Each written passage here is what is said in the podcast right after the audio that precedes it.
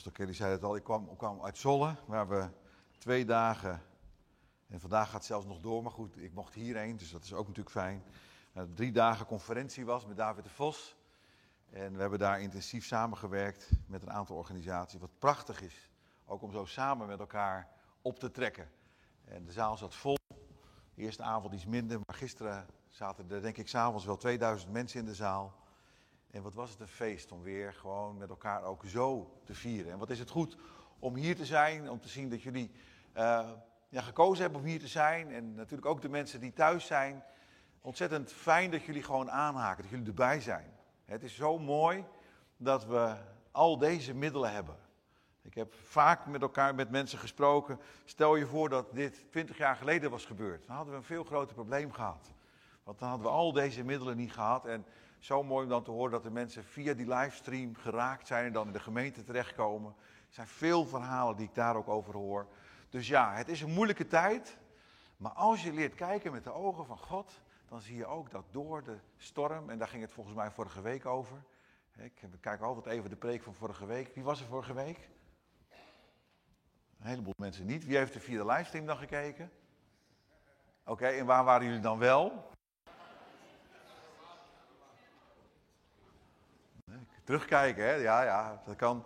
Het ging over de storm in de boot, weet je, maar in die storm, soms hebben we het gevoel dat Jezus te laat komt, maar hij komt nooit te laat.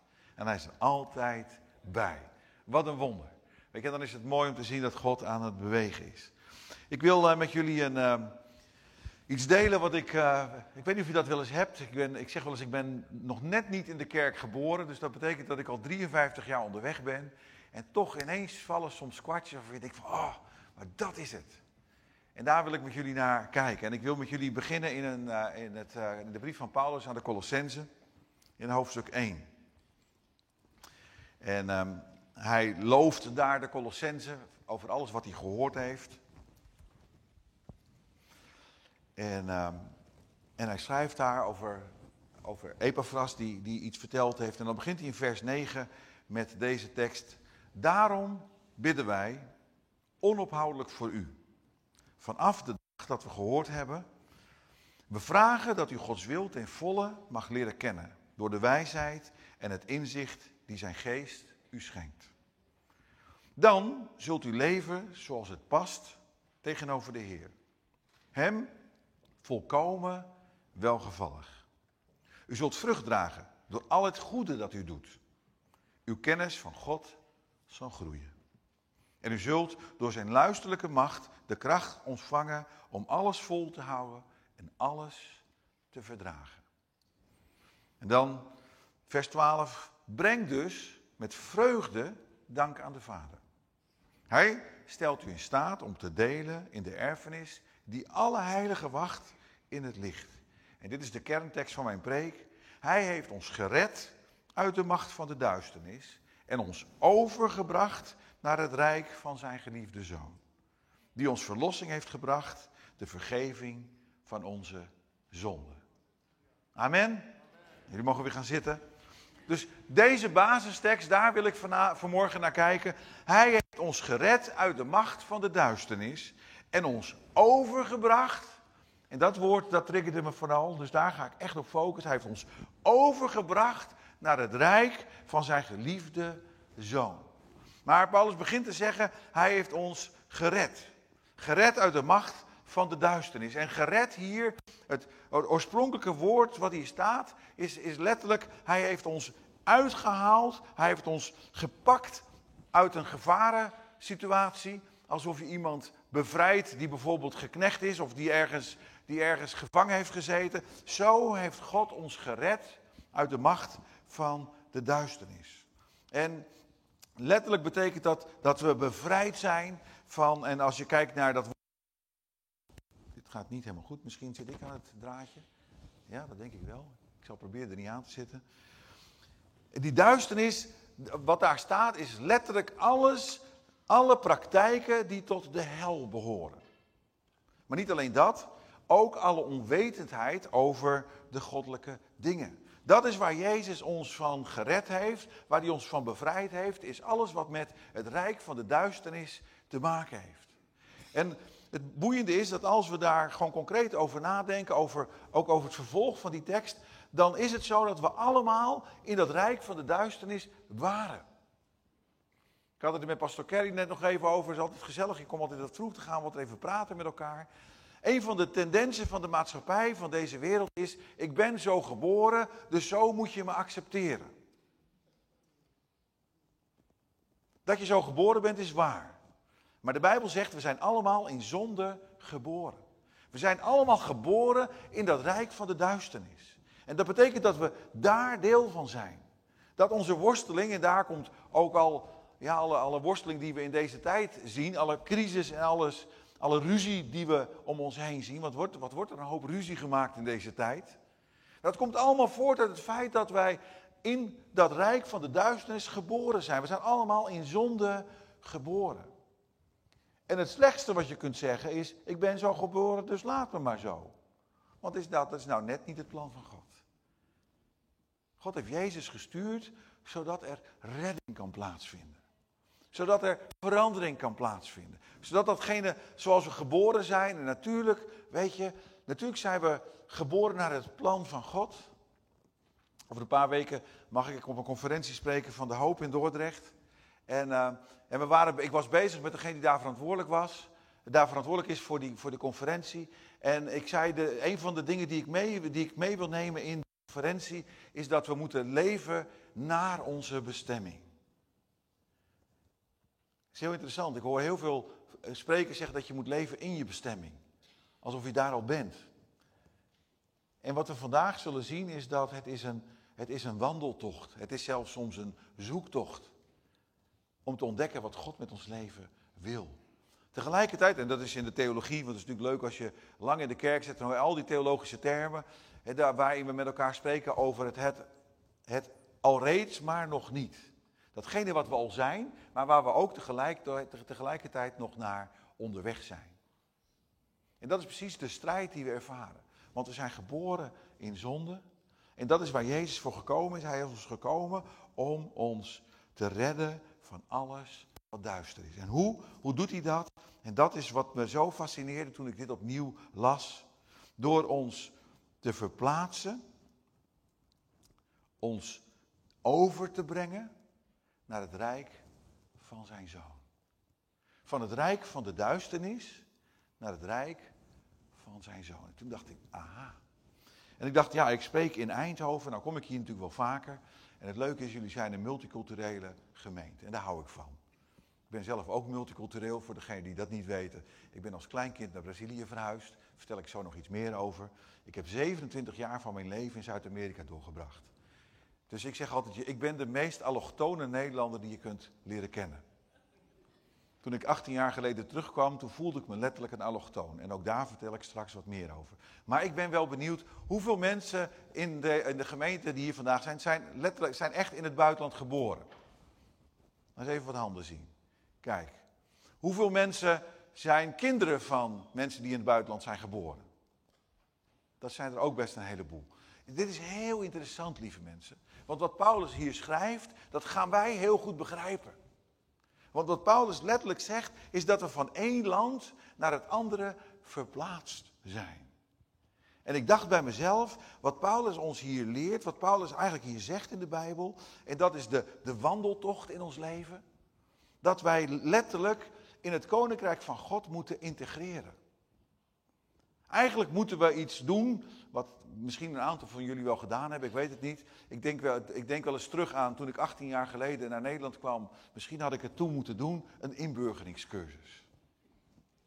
In de gemeente doen we het wel eens, hebben we introductiecursus. Hebben jullie dat ook voor nieuwe mensen? Nou, dat is een soort van inburgeringscursus in de, in de gemeente. Weet je, maar dat is echt interessant. Want wat, wat Paulus zegt is, door Jezus zijn wij uit het koninkrijk van de duisternis, hoppa, verplaatst in het koninkrijk van zijn zoon Jezus. Maar dan zijn we er nog niet.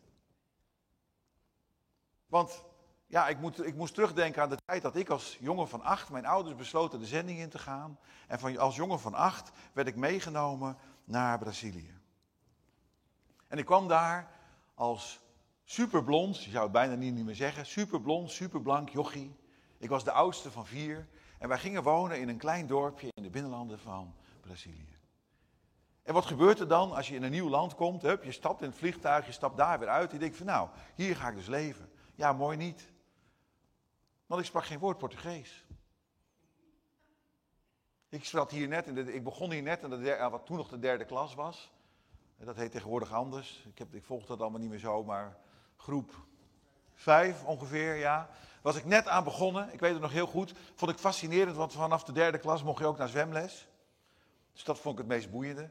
Nou, uiteindelijk heb ik nooit zwemles gehad. Ik heb ook geen diploma's. Ik heb gewoon de rivier leren zwemmen. Dat is wat er gebeurt als je inburgt in een nieuw land. Dat is veel leuker. Maar ik kwam daar dus en ik ging naar die derde klas en ik kon geen woord Portugees. Dus ik maakte allerlei leuke fouten. Ik weet nog goed dat ik een tekst moest voorlezen en dat ik een woord helemaal verkeerd zei. En dat de hele klas helemaal plat lag, dubbel lag van de lach, omdat ik een woord helemaal compleet verkeerd zei. Dus het besluit werd al snel genomen dat ik van de derde klas terug moest naar de eerste klas. Met alles wat ik al geleerd had, zat ik daar in de eerste klas. En dan ben je blank, blond, je spreekt de taal niet en je bent ook nog eens veel ouder dan de rest. Dus je kunt wel uitrekenen wat er gebeurde. Maar goed, ik leerde de taal heel snel, want als kinderen, dat is het leuke. Hè? Daarom zegt de Bijbel dat we moeten zijn als kinderen. Want de onbevangenheid van een kind maakt dat we sneller leren. Ook in het geestelijk is dat zo. We moeten de onbevangenheid van een kind behouden in het koninkrijk van God, zodat we goed kunnen integreren. Dus binnen twee jaar had ik de taal goed geleerd en dat maakte dat ik ook alle kennis die ik al had kon omzetten. En toen ben ik twee keer halverwege het jaar geswitcht naar de volgende klas. Dus voor ik het wist had ik het allemaal weer ingehaald. En het leuke is dat, dat je dan in zo'n land opgroeit en dat je dan volledig opgaat in de cultuur. Want je moet, je moet het proces bewandelen. Je moet groeien in de cultuur. Je moet, wat ik al vertelde, de, de taal leren. Je moet leren hoe mensen met elkaar omgaan. Het is altijd leuk als ik met Pastor Kelly uh, app in de week daarvoor. Wij beginnen altijd in het Spaans. Hij spreekt Spaans en ik Portugees. Nou, daar kunnen we met elkaar best wel wat van maken. Dus wij gaan altijd even in datgene wat, we ook, wat ook letterlijk soms is. Weet je, de taal van waar je vandaan komt, dat is je zielstaal. En je zielstaal, dat zullen de mensen die in het buitenland geboren zijn en daar de taal geleerd hebben, die zullen dat wel herkennen. De zielstaal die raakt je veel dieper dan de taal die je later geleerd hebt. Dus mijn moedertaal, ondanks dat ik redelijk goed Nederlands spreek, is echt Portugees. Ik vind aanbidding in het Portugees, ik ben zelf ook aanbiddingsleider, ik vind muziek in het Portugees vind ik heerlijk. Kan ik uren doen. Maar dat is wat er gebeurt als je ingeburgerd bent. En als kleine jongen groeide ik daarop en leerde ik de taal, leerde ik de cultuur. En toen, veranderde ik, toen verhuisde ik terug naar Nederland. En toen maakte ik dat proces ook nog een, keer, nog een keer mee. En dat was misschien nog wel moeilijker dan toen ik klein was. Want ja, ik was de onbevangenheid voorbij. En ik kwam terug naar Nederland 2003, ik weet het nog goed. En ik zie er toch redelijk Nederlands uit en ik spreek toch redelijk Nederlands, maar ik was een allochtoon. Ik weet nog dat ik, dat ik terugkwam en dat ik op het station stond. En dat ze toen net, zeg maar, de, de mensen die de kaartjes verkochten in, in zo'n loketje, die hadden ze net afgeschaft. Dus je moest het met een machine doen. En dan stond ik daar als kerel van 35 met, met gewone Nederlandse uiterlijk, met gewone Nederlandse taal. En ik moest echt even kijken, hoe doe je dat dan in Nederland? Dus ik liet twee mensen voorgaan en ik denk, ik kijk het gewoon af en dan moet het wel lukken. Want dat is wat er gebeurt als je in een vreemd land komt, waar je alles opnieuw moet leren.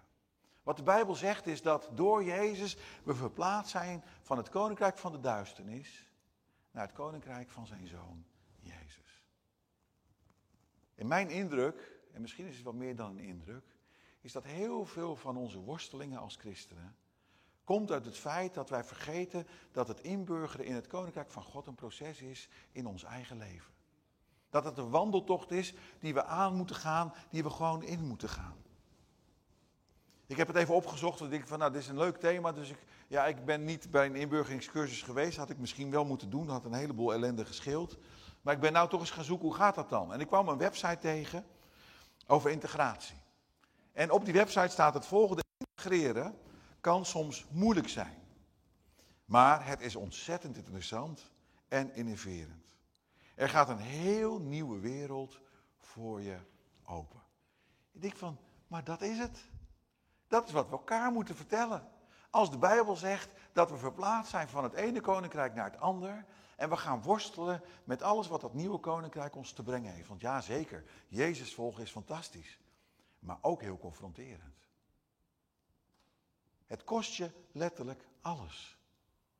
Jezus vraagt om ons hele leven te geven. Om Hem in alles prioriteit te geven. We mogen een nieuwe cultuur leren. We moeten een nieuwe taal leren. En het is fascinerend soms hoe, dat, hoe snel dat gaat, vind je ook niet?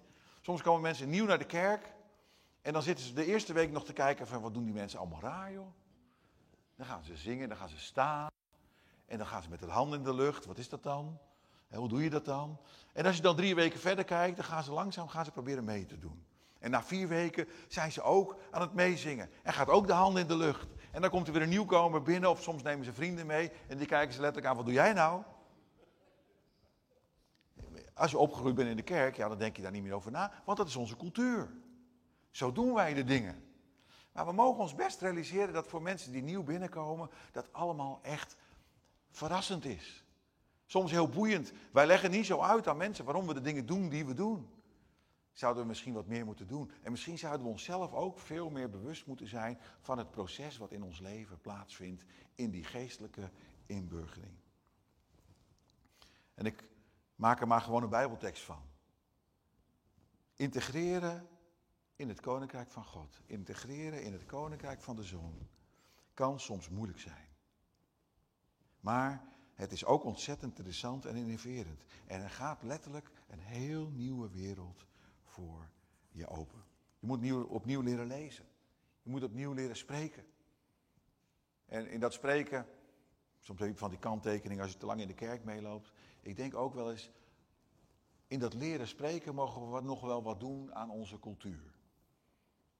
leg ik straks ook wel uit, want het is heel interessant namelijk als je Nederlanders in het buitenland tegenkomt. Dan gebeurt iets in cultuur met datgene wat we graag vasthouden, wat we ook wel in de kerk herkennen. En ik merk aan mezelf, ik ben heel erg blij, iemand vroeg net al, is dit de MBV 21? Nee, dit is nog de gewone MBV. Maar ik was toen ik in Nederland kwam wonen ontzettend blij toen de MBV uitkwam. Want ik moet je zeggen, ik kom met de MBG als allochtoon helemaal niks.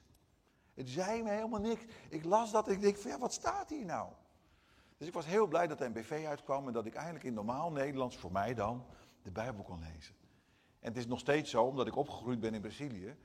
Ja, soms als ik bijbelteksten uit mijn hoofd moet zeggen, dan vertaal ik ze gewoon van het Portugees naar het Nederlands. Want ze zitten in mijn hoofd, allemaal in het Portugees. Dat is wat je krijgt als je allochtoon bent. En dat die taal, dat is, dat is een ding. En zo is het vaak ook in de kerk. Let maar eens op. Ik ben gefascineerd hoe sommige mensen bidden. We denken van, oh, die zijn echt heel dicht bij de hemel. Want die, die hebben een taal, die hebben, die hebben iets ontwikkeld in hun, in hun christenheid. Dat ik denk van nou, wauw, als je zo kunt bidden. Tegelijkertijd denk ik wel eens stiekem dat zelfs God tegen Gabriel zegt, haal het woordenboek er even bij, want ik begrijp er ook helemaal niks meer van. Just saying. Maar dat is allemaal in onze cultuur. Terwijl ik denk van, als we gewoon geaccultureerd zijn, als we helemaal in dat koninkrijk leven, dan wordt het veel meer deel van ons gewone leven. En dan, en dan denk ik, maar dat is mijn eigen ontdekkingstocht, dat ik helemaal niet anders ga praten als ik met God ga praten. Omdat ik gewoon, ik ben ik. Maar ik ben ingeburgerd en geïntegreerd in dat koninkrijk. En, ik, en ik, ik geloof dat God van ons verlangt dat we dat gaan doen. Dat als we in de kerk zijn en in de wereld zijn, dat we één persoon zijn. Dat we ons niet integreren op zondagmorgen, maar dat het koninkrijk integreert in ons. En dat wij deel worden van het koninkrijk van God op zo'n manier dat het koninkrijk van God de gewoonste zaak van ons leven wordt. En dat dat zichtbaar wordt op maandag, op dinsdag, tot en met vrijdag, op zaterdag, op de feestjes waar we zijn, in de gesprekken die we voeren. Dat we dan niet eens een, ineens een andere taal gaan spreken, maar dat het koninkrijk zo deel van, van ons is dat wij helemaal in dat koninkrijk horen. Maar inburger heeft ook te maken met vragen over onze verwachting. Want wat verwachten wij? En ja, er is een grote discussie over hoeveel vluchtelingen er naar Nederland komen. Het is heel interessant als je met die mensen praat. Die komen soms met een bepaalde verwachting naar ons land. Die komen met een bepaalde verwachting op ons af. En die denken hier dingen tegen te komen die soms ook ontzettend tegenvallen. Zo gaat het ook met ons als we Jezus aannemen. Ik vond het, de preek van vorige week vond ik echt boeiend. Want sommige mensen komen echt in het koninkrijk van God en denken van nou, dan zijn al mijn problemen opgelost. Dat zijn verwachtingen van dat nieuwe koninkrijk die dan tegenvallen. Maar integreren heeft heel erg te maken met de beelden die wij gemaakt hebben. Met wat wij ervan bedacht hebben. Met dat betere land zoals wij het bedenken. En wij zijn toch al geneigd om te denken dat het gras van de buren altijd groener is. Dus dat zal in dat nieuwe koninkrijk ook wel zo zijn. Maar de groenheid van het gras is afhankelijk van hoeveel water jij het geeft en hoe jij die tuin verzorgt. Dus het is nooit zo dat het gras van de buren beter is. De vraag is, wat doe je met je eigen grastuintje? Dus integreren in het koninkrijk van God vraagt iets van ons. En we, maar we hebben de neiging om oude gewoontes te koesteren. We hebben de neiging om vast te houden aan dingen die wij ontzettend leuk vinden. Het leuke is alleen dat, dat als we ons niet aanpassen, dat we achterhaald raken. Als je, in, uh, als je in het buitenland woont, zoals ik in Nederland, in Brazilië heb gewoond als Nederlander, dan is het fascinerend om af en toe naar een Nederlandse kolonie te gaan. Overigens moest ik daar wel om lachen. Ik weet nog dat ik net terug was in Nederland en dat ik in een, uh, ik denk dat het zelfs in de introductiecursus was van onze kerk, waar ik toen zat, dat er een discussie ontstond over de noodzaak van integreren van buitenlanders in Nederland. En daar zijn wij als Nederlanders heel fel op. als mensen in Nederland komen wonen, dan moeten ze integreren. Wat denken ze wel? En ik moest enorm lachen en ik zei toen tegen die mensen, heb je wel eens Nederlanders in het buitenland meegemaakt? Want als er één volk is wat zich niet integreert, zijn wij het wel. Voor Nederlanders is het wel, dat mag ik dan nu zeggen, nou ik redelijk geïntegreerd ben. Wij Nederlanders zijn het meest eigenwijze volk op aarde. Laten we gewoon maar eerlijk zijn. Waar wij komen, moet het op ons. En als je niet gelooft, ik ben nooit in Spanje geweest. Maar ik hoor wel eens verhalen van mensen die op vakantie gaan naar Spanje. En die zeggen dan: het is net alsof je in Nederland bent. Er hebben zelfs een paar mensen, heb ik gehoord, patatzaken geopend. Zodat het gewoon lekker op zijn Nederlands is, maar dan met een zonnetje erbij. In, in, Brazilië gaat het zo ver dat als je daar komt in de Nederlandse kolonies. Dat is echt alsof je een stukje Nederland binnenloopt. Ze hebben daar, ze hebben daar zelfs een bloemenkoor zo. Het gaat zo ver, en ik, en ik meen dit echt, het gaat zo ver, want de, de, de meeste Nederlanders die daar in de kolonies wonen, dat zijn boeren. Die hebben daar goed geboerd. Maar die hebben de, de Braziliaanse knechten Nederlands geleerd, zodat zij geen Portugees hoefden te leren. Over integratie gesproken. Maar het grappige is, en dat is nu met internet is dat, dat best wel wat minder. Maar als je daar dan kwam, dan kwam je in het Nederland terecht van 50 jaar terug. Van de tijd dat ze daar, daar naartoe verhuisd waren. En dat is wat wij ook vaak doen met, met het Koninkrijk van God. We hebben onze cultuur, onze gewoontes en wij houden eraan vast alsof, alsof het Koninkrijk van God bestaat uit de plek waar wij 50 jaar geleden begonnen zijn. Terwijl God met ons wil ontwikkelen. God wil dat we groeien. God wil dat we met Hem doorgroeien. God wil dat het evangelie, en dat vind ik zo mooi, weet je, de, de waarheid van de Bijbel verandert nooit. Maar als je kijkt naar Jezus, zelfs Jezus, hij had ruzie met de kerk van zijn tijd, want hij vertaalde de waarheid van de Bijbel naar zijn tijd van toen. En waar het ons vaak aan ontbreekt, is dat wij de waarheid van God vertalen naar de wereld van nu. En we willen vasthouden aan onze cultuur en onze gewoonten zoals we dat altijd geleerd hebben. En wat Jezus van ons vraagt en wat God ons aanbiedt, is dat we creëren in dat nieuwe land wat Hij ons gegeven heeft door zijn Zoon. En wat heel belangrijk is bij, bij integratie, is dat je gaat leven in het land waar je voor gekozen hebt. Waar God je geplaatst heeft. Dat je de keuze maakt om er echt in te gaan leven. Kom wel eens mensen tegen die zeggen van, hoe kan ik het beste Portugees leren? Nou is Portugees echt wel een hele ingewikkelde taal. En natuurlijk kun je via internet wel wat leren. Maar ik zeg tegen mensen altijd, de beste manier is om daar gewoon naartoe te gaan. Als je ergens naartoe gaat, je leeft onder de mensen, vooral onder kinderen. Want dat is, dat is weer wel, wel weer het leuke, hè? de onbe, onbevangenheid van kinderen. Die lachen je gewoon uit en zeggen gewoon, dat zeg je verkeerd. Maar daar leer je het meeste van. Dus de beste manier om de cultuur te leren, om de taal te leren, is gewoon in het land te gaan leven. Ik was laatst op een bijbelstudie in mijn oude thuisgemeente, de gemeente die mijn ouders ooit hebben uitgezonden Uh, bijna 45 jaar geleden inmiddels. Mijn moeder woont er overigens nog, dus ik heb nog heel veel connecties met Brazilië. En uh, ik kwam daar iemand tegen, die, die was in 1983 bij ons op bezoek geweest. Het is altijd leuk als je iemand tegenkomt die zo lang geleden bij jou op bezoek is geweest. Want die personen die zijn daar één keer geweest en die praten alsof ze nog exact weten hoe het toen was. Sterker nog, niet alleen hoe het toen was, maar zij denken dat het nog steeds zo is. En dat is met heel veel christenen ook zo. Die hebben ooit wel de keuze gemaakt. Die hebben wel gelezen, we zijn door God, door Jezus, in Jezus zijn we verplaatst naar een nieuw koninkrijk. Ze zijn er wel even geweest, ze hebben er wel even aan geproefd, maar ze zijn ook weer weggelopen. Ze zijn weer teruggelopen het oude land in. Maar ze praten alsof ze weten hoe het zit. Ze praten alsof het nog steeds zo is zoals ze er toen geweest zijn. En ik heb in mijn eigen leven gemerkt, en daarom vind ik het zo mooi om erover te spreken, dat het ons allemaal van tijd tot tijd overkomt. Dat we blijven hangen in een stukje verleden van het koninkrijk. Terwijl als je leeft in een land, ik, ik merk het bij mezelf, ik ben nu 18 jaar weg en dankzij internet en vooral Facebook. Ik heb een apart Facebook-account voor Brazilianen. Want de cultuur is zo anders, dat moet je niet met elkaar willen mixen. Maar het is ontzettend leuk. Maar goed, daardoor blijf je op de hoogte. Ik weet nu exact wie, wie overlijdt, wie er trouwt, waar kinderen geboren. Dus je weet nog heel veel. Toch merk ik wel, ik word voorzichtiger, want ik kan na 18 jaar, en natuurlijk ga regelmatig op vakantie, maar ik kan niet meer meepraten over hoe het daar nu is. Omdat ik daar simpelweg niet meer ben. Ik woon nu hier. En ik weet hoe het hier is. Ik kan over hier meepraten. Als je wil groeien in het plan van God voor je leven. Als je wil ontdekken wat God met jou wil bereiken. Als je wil weten hoe de, hoe de giften van de, hoe de gaven van de geest in je leven zich ontwikkelen. Hoe de bedieningen van God zichtbaar kunnen worden in jouw leven. Dan is het belangrijk dat je gaat leven in het koninkrijk.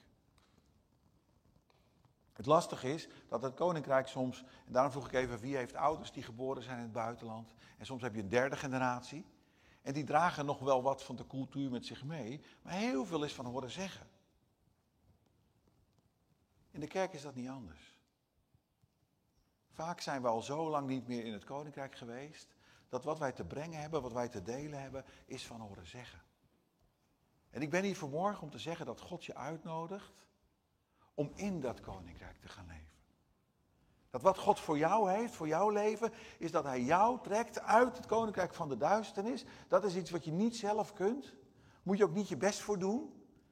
De worsteling zit vaak dat wij ons best gaan doen om naar dat nieuwe koninkrijk te komen. Maar dat is het deel wat wij niet kunnen. Dat is wat God doet door Jezus. En daarom vind ik het zo mooi. Ik vind het altijd fantastisch om in dienst te spreken waar avondmaal gevierd wordt. Want dat is wat we vieren. Dat God in Jezus ons verplaatst heeft naar het nieuwe koninkrijk. Daar mag je deel van zijn. En het mooie van het koninkrijk van God is, je hoeft daar geen inburgeringscursus te doen en ook geen examen om te slagen om te kunnen blijven. Vroeger hadden we een heel oud lied, de ouderen onder ons weten dat nog wel. Is uw paspoort getekend, o mens?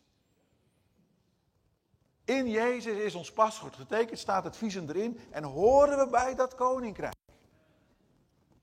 De keuze die we moeten maken, iedere dag opnieuw, is om te leven in dat koninkrijk. Om te gaan ontdekken wat de cultuur van dat koninkrijk is. Wat de taal van dat koninkrijk is. En ik wil met jullie heel snel door een paar van die dingen heen kijken.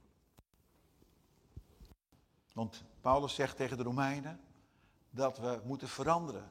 We moeten vernieuwen. We moeten niet gelijkvormig blijven aan deze wereld. Maar we moeten vernieuwen door de verandering van ons denken. Heb je het, hè? Wat gebeurt er? Je moet anders leren denken. Pas overleed de oud-voorzitter van Stichting Opwekking. Hij had in januari afscheid genomen, was net met pensioen. En nou, God besloot dat het tijd was voor hem om te gaan. En hij zat op een woensdagavond met vrienden in de huiskamer. En plotseling was hij het niet meer. 67, met mooie plannen nog in zijn leven. En lieve mensen, we moeten altijd bereid zijn om naar de koning te gaan, want we horen bij dat koninkrijk. Het is heel verdrietig, maar ik denk met heel veel liefde aan hem terug. Hij was iemand die heel veel internationaal werkte als adviseur van grote bedrijven. En hij zei altijd, Ook als de mensen wat moeite hadden met mijn stijl van leiding geven. Ruben geeft op zijn Braziliaans leiding. Dat is heel grappig als iemand je cultuur snapt. Want ik draag een cultuur in me mee. En toch moet ik leren om in deze cultuur leiding te geven.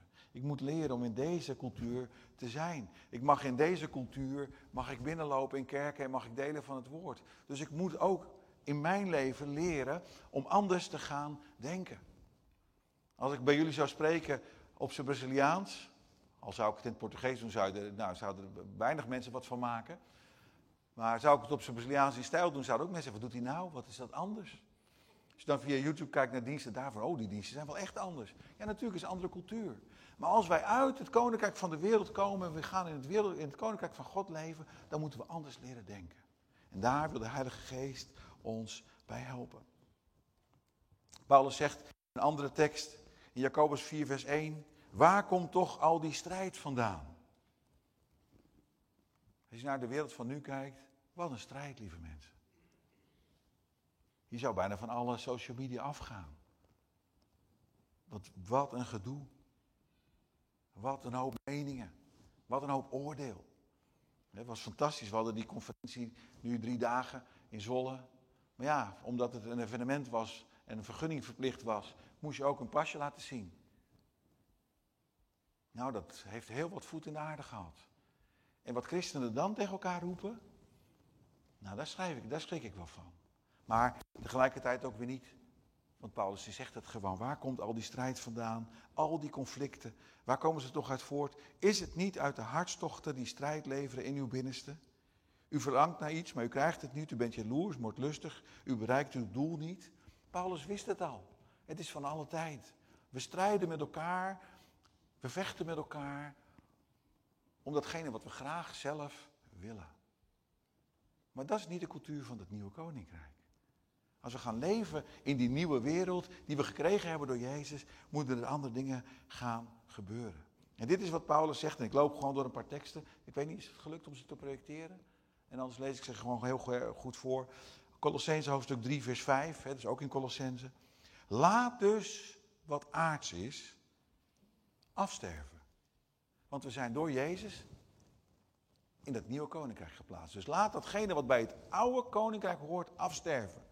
Ontucht, zedeloosheid, hartstocht, lage begeerte, hebzucht, want hebzucht is afgoderij.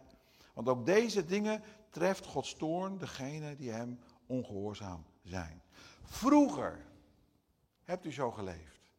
Dat is wat de Bijbel zegt. Vroeger hebben we zo geleefd. En als het goed is, als we ingeburgerd raken in het nieuwe koninkrijk, dan zijn we nu van alles wat slecht is, hebben we opgegeven. Woede, drift, vloeken, schelden, bedrieg elkaar niet. Nu u de oude mensen en de oude, oude leefwijze afgelegd hebt. Het is zo duidelijk dat de Bijbel ons leert hoe we moeten leven in deze tijd. Waar komt de strijd vandaan? In ons innerlijk. Waar komt de behoefte vandaan om, om onze waarheid, om ons standpunt, de ander te bekritiseren, te veroordelen? Het is heel interessant dat sommige mensen proberen hun geestelijke principe, hun geestelijke standpunt duidelijk te maken op een zeer ongeestelijke wijze. En dan verlies je je punt. Want we zijn niet geroepen om te veroordelen. We zijn geroepen om lief te hebben. We zijn geroepen om te leven vanuit het plaatje, vanuit de cultuur van het nieuwe koninkrijk. Ik ga nog even verder. Colossense, of e- Efeze 4, vers, vers 25. Soortgelijke boodschap. Leg daarom de leugen af. Spreek de waarheid met elkaar. Want wij zijn elkaars ledematen. We zijn gezin van elkaar. Als we straks avondmaal gaan vieren, dan symboliseren we dat. Dat we deel zijn van datzelfde lichaam. Kortom, dat we leven in datzelfde koninkrijk. Door avondmaal straks mee te vieren zeg je ja, ik erken dat ik, dat ik door God in Jezus geplaatst ben in het nieuwe koninkrijk. Wij horen bij elkaar. En als we bij elkaar horen, dan zeggen we dus dit. Als u boos wordt, zondig dan niet. Laat de zon niet ondergaan over uw boosheid. Nog niet zo lang geleden heb ik over deze tekst gepreekt. Wat een les. Wat zouden we er goed aan doen en wat zou het een hoop stress schelen? als we alleen al deze les mee zouden nemen in ons leven. Laat de zon niet ondergaan over uw boosheid. Dat we fouten maken, dat we elkaar op elkaar stenen trappen, dat is een feit.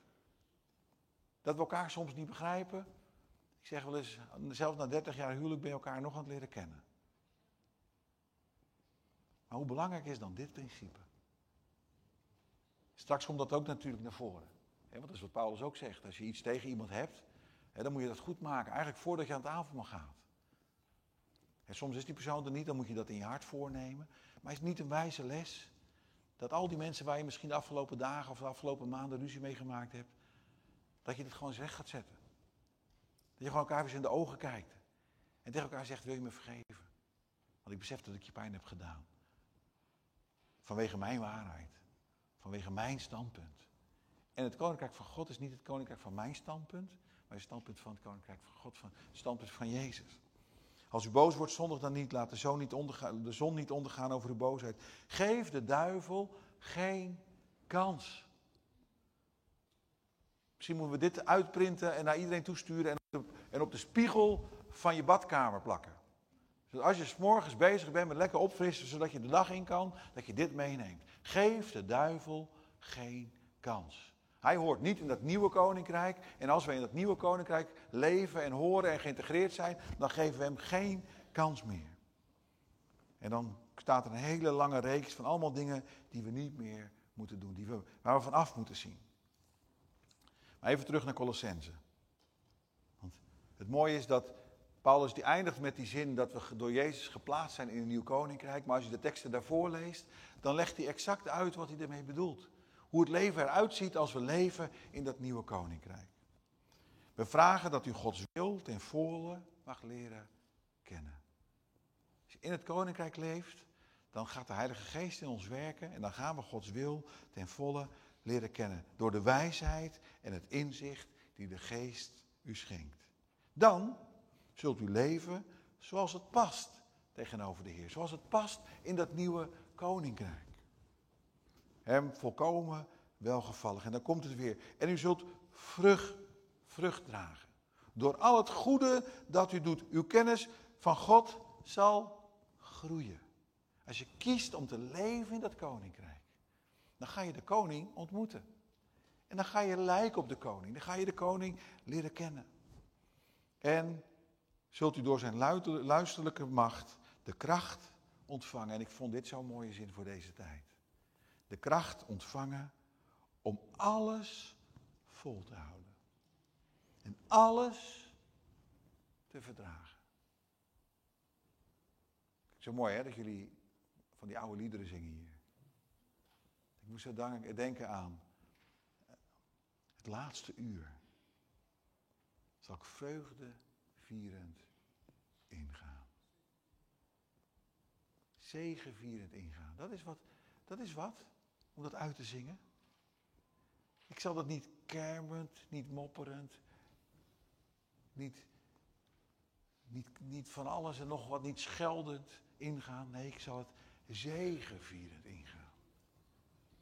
Wat ik ons toewens, is dat we gaan leven in dat koninkrijk. En dat we zegenrijk gaan leven.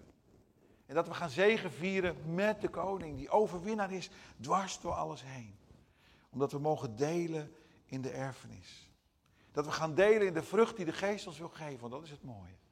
Die integratie hoeven we niet alleen te doen. God geeft ons zijn geest. En vanuit die geest gaat hij de cultuur van het koninkrijk bouwen in ons leven. En gaan wij, gaan wij steeds meer lijken op de koning. De vrucht van de geest is, en we kennen het allemaal, deze tekst. Liefde, vreugde, vrede, geduld, vriendelijkheid, goedheid, geloof, zachtmoedigheid, zelfbeheersing. Ik dacht van wauw, deze. Niet op dat knopje verzenden drukken als je weer iemand hebt uitgescholden op Facebook. Hou je in. Heer, help me om dat wijsvingertje niet te gebruiken op mijn telefoon. Als ik weer eens wil schelden op iemand. Zelfbeheersing. Er is geen wet die daar iets tegen heeft.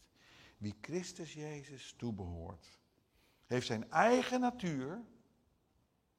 Dit is het, hè? Dit is het plaatje van de inburgering. Heeft zijn eigen natuur met alle hartstocht en begeerte aan het kruis geslagen. Wanneer de geest ons leven leidt, laten we dan ook de richting volgen die de geest ons wijst. Laten we elkaar niet uit eigen waan de voet dwars zetten en elkaar geen kwaad hart toedragen. Maar laten we ons vullen met de vrucht van de geest. Burgeren is nodig. Het is een proces van iedere dag. Niet één keer, maar iedere dag opnieuw kiezen om te leven vanuit dat koninkrijk. Het is een proces van een leven lang. Als ik terug ga naar Brazilië moet ik opnieuw inburgeren, want ik ben te lang weg geweest. En ik ben hier al 18 jaar, we ben nog wandeltocht van ons hele leven. We hebben de waarheid nodig, de Bijbel. We moeten ons veel meer verdiepen in het woord van God. We hebben de Heilige Geest nodig, die ons als voorschot is gegeven, als stempel. En als laatste, maar niet minder belangrijk, we hebben elkaar nodig. Als er mensen zijn die ergens in hun hoofd en hun hart hebben overwogen om te stoppen met te komen naar de gemeente.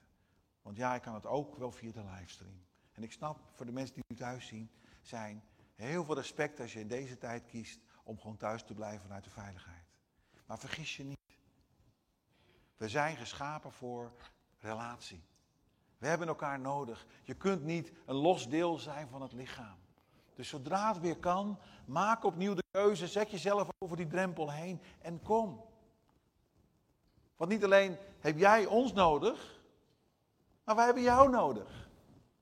We kunnen je niet missen. Het is zo belangrijk om opnieuw terug te bouwen naar gemeente zijn. Een van de dingen die me erg aansprak in de, conferentie, en daarmee ga ik eindigen, afgelopen dagen, is dat we een prachtige preek kregen over Psalm 23. Wie heeft het gezien? Ik heb een paar mensen gezien die het gezien hebben. Prachtig. Prachtige preek. Er was een tafel gedekt. En het ging helemaal hoe de koning ons uitnodigt aan zijn tafel. En het mooiste, want daar ging die hele tekst over. U nodigt mij aan tafel voor het oog van mijn vijand.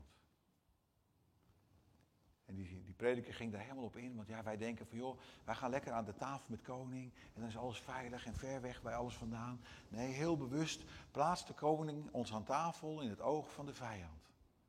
Want die vijand die is nog steeds om ons heen. Die probeert ons nog steeds te trekken uit dat koninkrijk waar Jezus ons in geplaatst heeft. En vanmorgen nodigt de koning ons uit aan zijn tafel. Terwijl de vijand toekijkt. En zijn wens is nog steeds dat we uit dat koninkrijk weglopen en dat we onze eigen weg weer gaan. Maar vanmorgen mogen we aan de tafel van de koning komen. En nodigt hij ons uit om, te deel, om deel te zijn en te vieren. Dat door Jezus we uit het koninkrijk van de duisternis gered zijn. We konden daar niet alleen weg.